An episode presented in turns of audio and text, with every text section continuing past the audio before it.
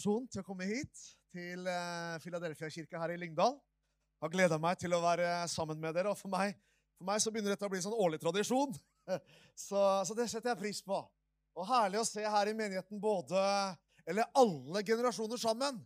Det, det er kjempebra, altså.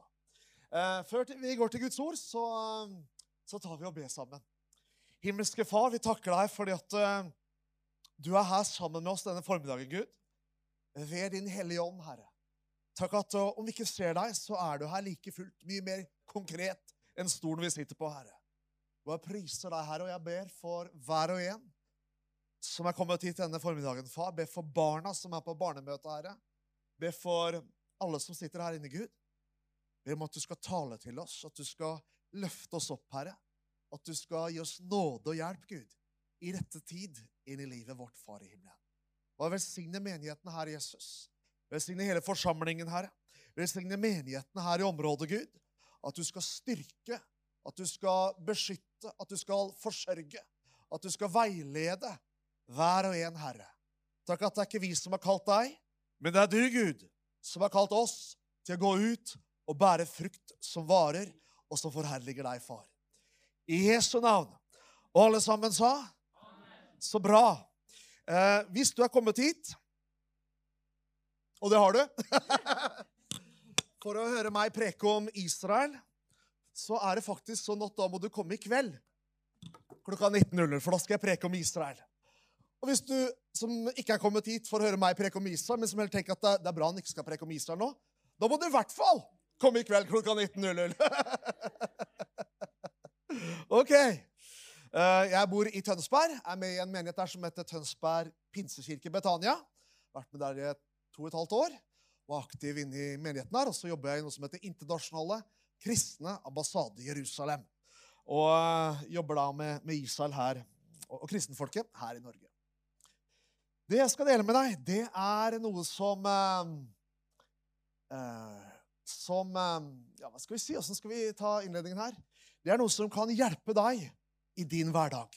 Uansett hvor du befinner deg, uansett din alder, kjønn, bakgrunn, historie, utdannelse, whatever, så er det noe som Bibelen sier kan, kan gi deg styrke og kraft inn i hverdagen.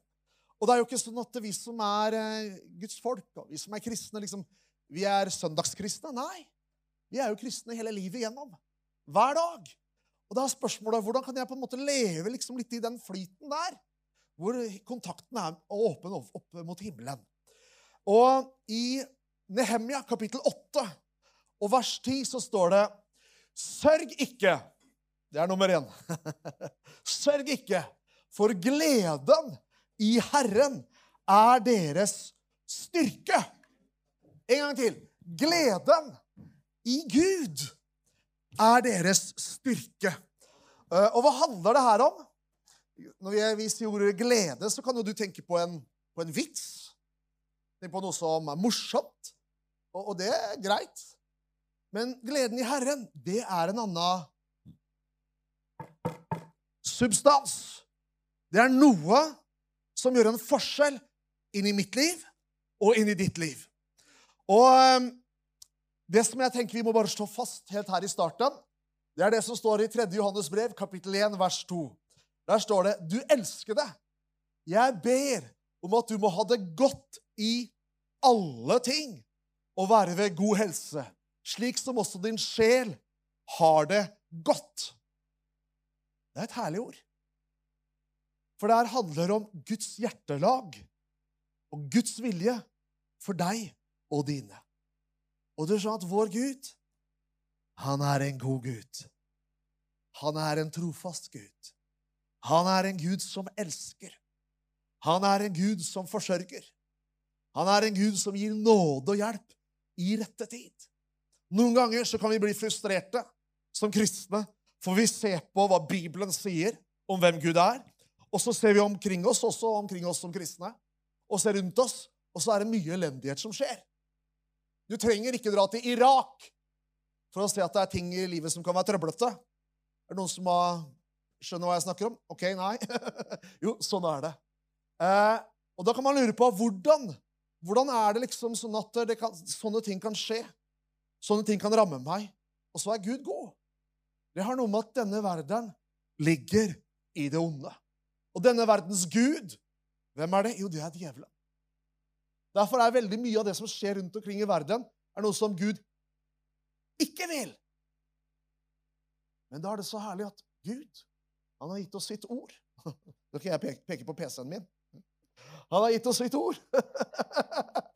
Han har gitt oss sitt ord for å vise hvem han er, og hva han har for oss.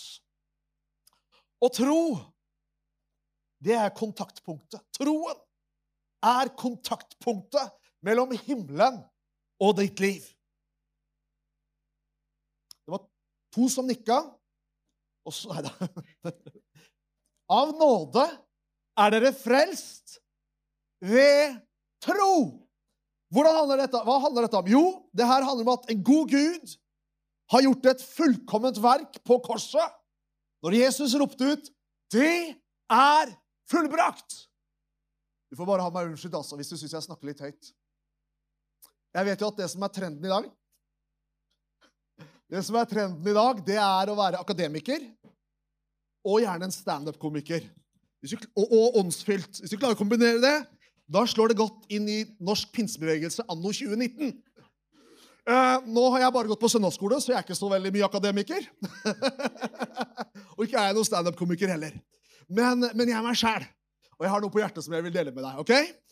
Uh, og det som er saken, det er at Guds vilje, Guds godhet overfor deg, det ble tilveiebrakt på korset.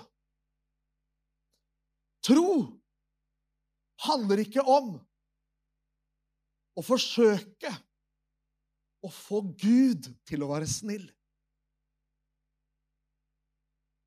Når du ber for ulike behov, så trenger du ikke be på en sånn måte 'Å, kjære Gud, vær så snill, da!' Er du så snill? Nei. Gud er kjærlighet. Tro, vet du hva det handler om? Det handler ikke om å få Gud til å gjøre noe. Tro handler om å få tak i det han allerede har gitt på korset. Halleluja. Og det blir veldig stor forskjell inn i et bønneliv. Det blir veldig stor forskjell for meg som en kristen. Det handler ikke om at jeg skal forsøke å få Gud til å hjelpe meg. Nei, for han har hjulpet meg. Men det handler om at jeg kan ta imot det han allerede har gitt. Halleluja! Og hva har det med glede å gjøre? Jo, nettopp når du ser det perspektivet her. At Gud er god. At Gud er trofast. Da er det mye lettere å se med begeistring på hvem Gud er. Det er mye enklere å forstå at han er ikke bare en Gud, men han er pappaen min. Han er min far. Halleluja. Og Derfor så tar vi det ordet her. At du skal forstå. Du elsker det. Det er jo det han sier. Er ikke det herlig? Det er ikke sånn at du behøver å klatre opp til Gud som i en hvilken som helst annen religion. Nei. Jesus han er motsatt. I religion så klatrer man opp til Gud, eller en guddom. Mens i evangeliet er akkurat det motsatt. Gud kom ned og ble menneske. Halleluja. Og så sier han, 'Du elsker det. Du er elsket.' Det står også at du er utvalgt. Det står også at du er dyrebar. Jeg ber om at du må ha det godt i alle ting og være ved god helse, slik som også din sjel har det godt. Så Guds vilje for deg, det er at du skal ha det godt i livet. Kan du si etter meg? Jeg skal ha det godt. Guds vilje for meg er at jeg skal ha det godt i alle ting. Ja, for det er Guds vilje for deg, skjønner du. Det er ikke alltid vi ser det bildet der. Det er ikke alltid vi er sikre på det der. Men Skriften er helt klar og tydelig på det. Guds vilje for deg er at du skal ha det godt. Jo, men det står om forfølgelse. Ja, det er en annen greie. Men du skjønner, har du fred med Gud, og har du det godt med Gud, og folk snakker dumt om deg, så er det ikke så farlig allikevel. Nei, det, er ikke sånn. det, det er liksom ikke det som feller deg. Det gjør deg heller skarpere i snippen uh, i livet med Gud når andre trakasserer og sånne ting. Men Guds vilje for deg det er at du skal ha det godt. Det betyr ikke at alt du møter i livet, er godt. Langt derifra. Men det er nettopp derfor Det er nettopp derfor Det er nettopp derfor du trenger å forstå at Guds vilje for deg er en god vilje. Han har fredstanker, han har framtid, og han har håp for hver og en av oss.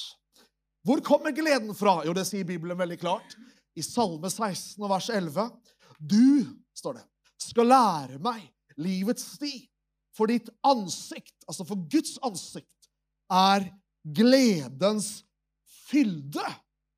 Ved din høyre hånd er evig fryd. Det er herlig. Hva betyr det her, venner? Jo, kjære venner, det betyr den dagen du og jeg kommer til himmelen, og det skal vi gjøre en dag når vi har tatt imot Jesus Det du vil oppleve når du kommer inn for tronen, det er at det er en fylde av glede. Og det er ikke bare snakk om en artig vits. Nei, det er en fylde av glede, begeistring og frihet. Og det står at ved hans høyre hånd er det evig fryd. Det er fryd og gammen, altså, med andre ord.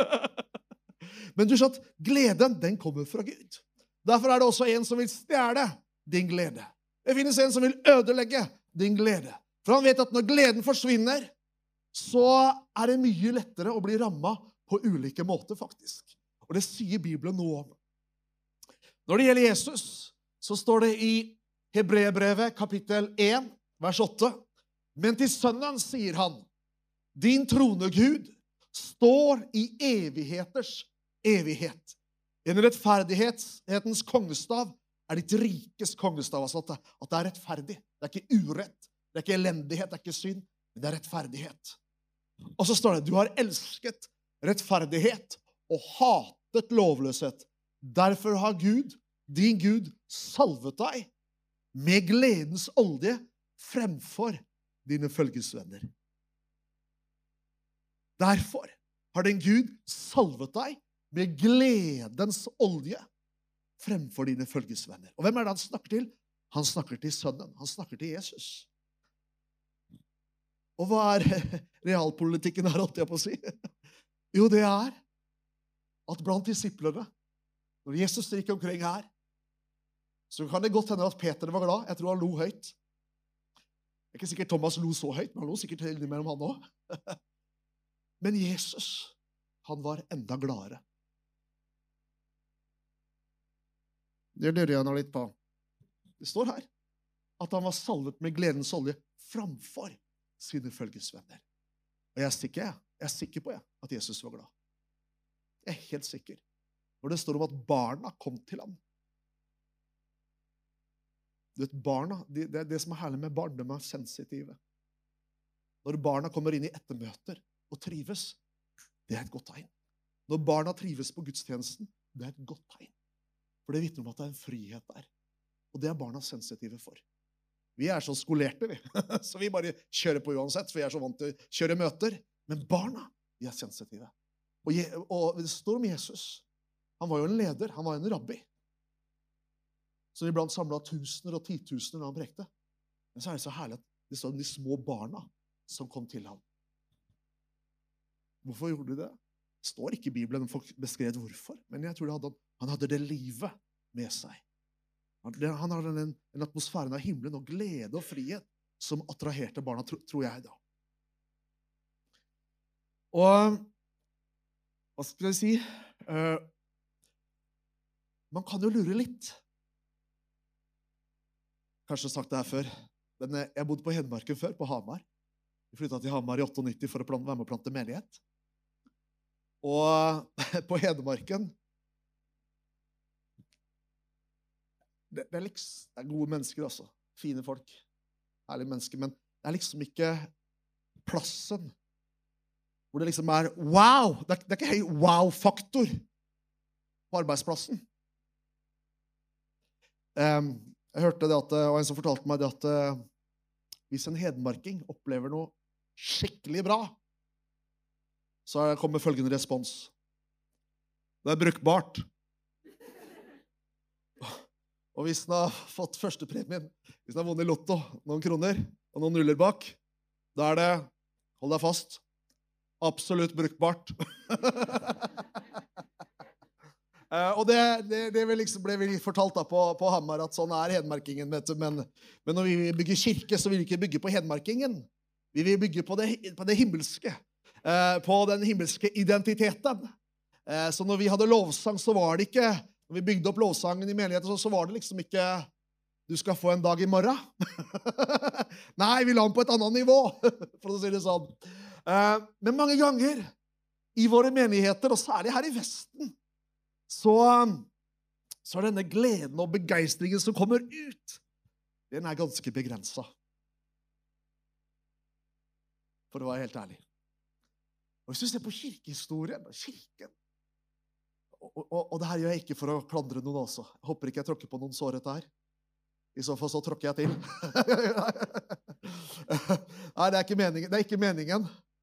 Men du vet at eh, når du leser evangeliet om Jesus som reiser opp døde Jesus som metter tusener med litt av mm, matpakke. Jesus som reiser opp lamme. Jesus som forvandler liv. Så skjønner du at Wow!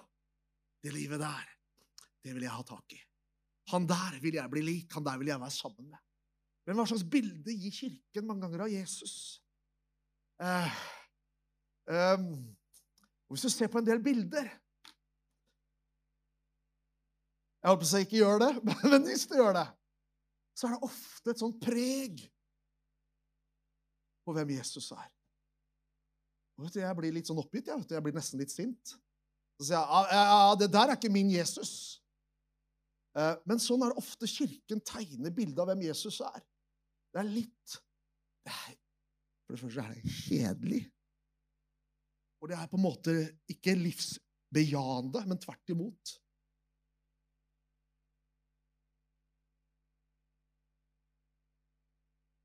Men, vet du at sånn er ikke Jesus.